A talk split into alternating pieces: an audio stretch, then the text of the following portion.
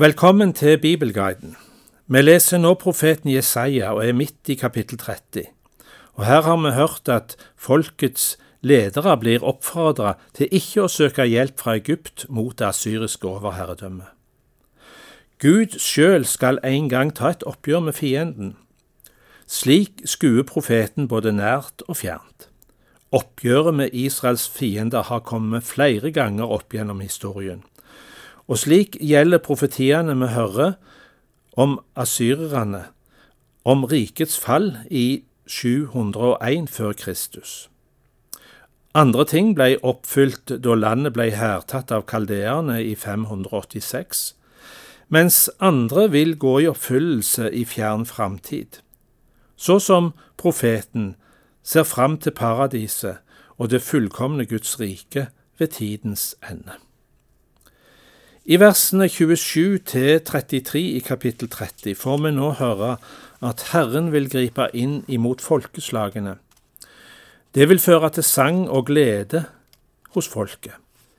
Herren vil komme med si hjelp i flere omganger, og hver gang vil det føre til sang, og når Assurs konge møter Herrens pust. Vi leser Jesaja kapittel 30 vers 27 til 33. Se, Herrens navn kommer fra det fjerne. Hans vrede er brennende, hans byrde er tung, hans lepper er fulle av harme, hans tunge er som fortærende ild. Hans pust er lik en flommende elv som rekker til halsen.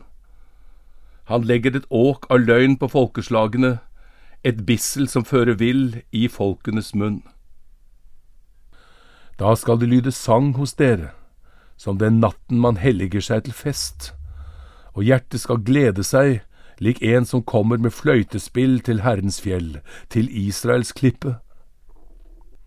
Herren lar sin veldige røst lyde og viser sin arm som slår med brennende vrede og fortærende ild, med storm og styrtregn og haglsteiner.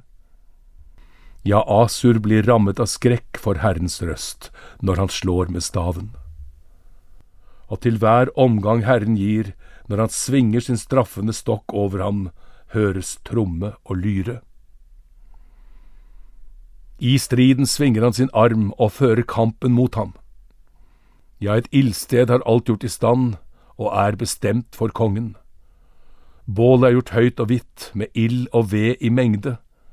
Som en svovelstrøm skal Herrens pust sette det i brann.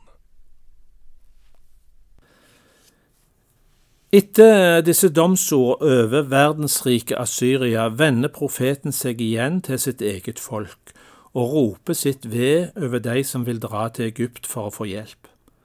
De stoler på hærmakt istedenfor å vende seg til Israels hellige. Israels hellige det er en benevnelse av Gud som Jesaja ofte bruker. Vi hører versene 1–3 i kapittel 31. Ved dem som drar ned til Egypt etter hjelp.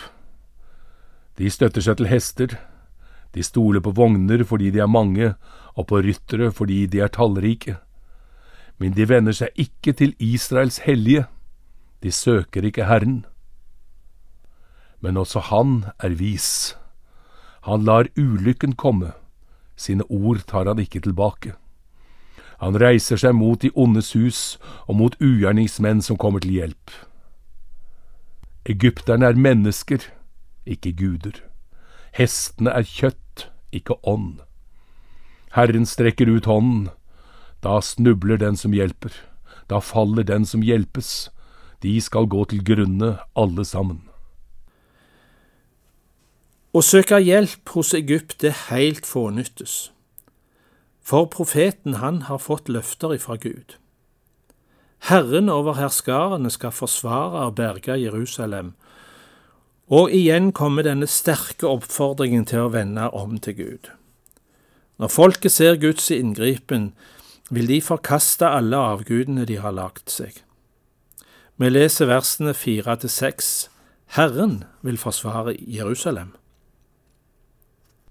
For så har Herren sagt til meg, slik løven og ungløven knurrer over sitt bytte og ikke blir skremt av rop eller dukker seg for ståk når en stor flokk gjetere samler seg mot dem, slik skal Herren over hærskarene stige ned og stride mot Sions fjell og høyde.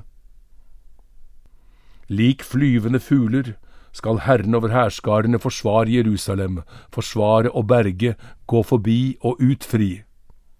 Vend om til ham, som israelittene har falt fra så dypt. Og så får profeten igjen se at det kommende Assurs nederlag ikke er et resultat virka av menneskesverd.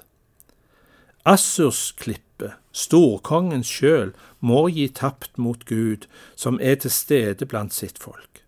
Han er ilden på Sion, ilden som alltid brenner i tempelet, og som symboliserer Guds nærvær. Vi hører de to siste versene i kapittel 31. Assur skal felles. Den dagen skal alle forkaste avgudene av sølv og avgudene av gull som deres egne hender har laget til synd. Asur skal falle, men ikke for manns sverd. Han skal felles, men ikke av menneskesverd. Han skal flykte for sverdet. Hans unge menn må gjøre tvangsarbeid. Hans klippe skal dra bort i redsel. Hans fyrster skremmes bort fra banneret, sier Herren, han som har en ild i Sion og en ovn i Jerusalem. Jesaja budskapet i de siste kapitlene vi nå har lest, er gang på gang. Stol ikke på mennesker, søk hjelp hos Gud. Han vil berge deg. I neste kapittel, i kapittel 32, skal vi høre om de herlige tilstander som Guds frelse bringer med seg. Hvorfor flykte bort ifra den? Velkommen tilbake til Bibelguiden.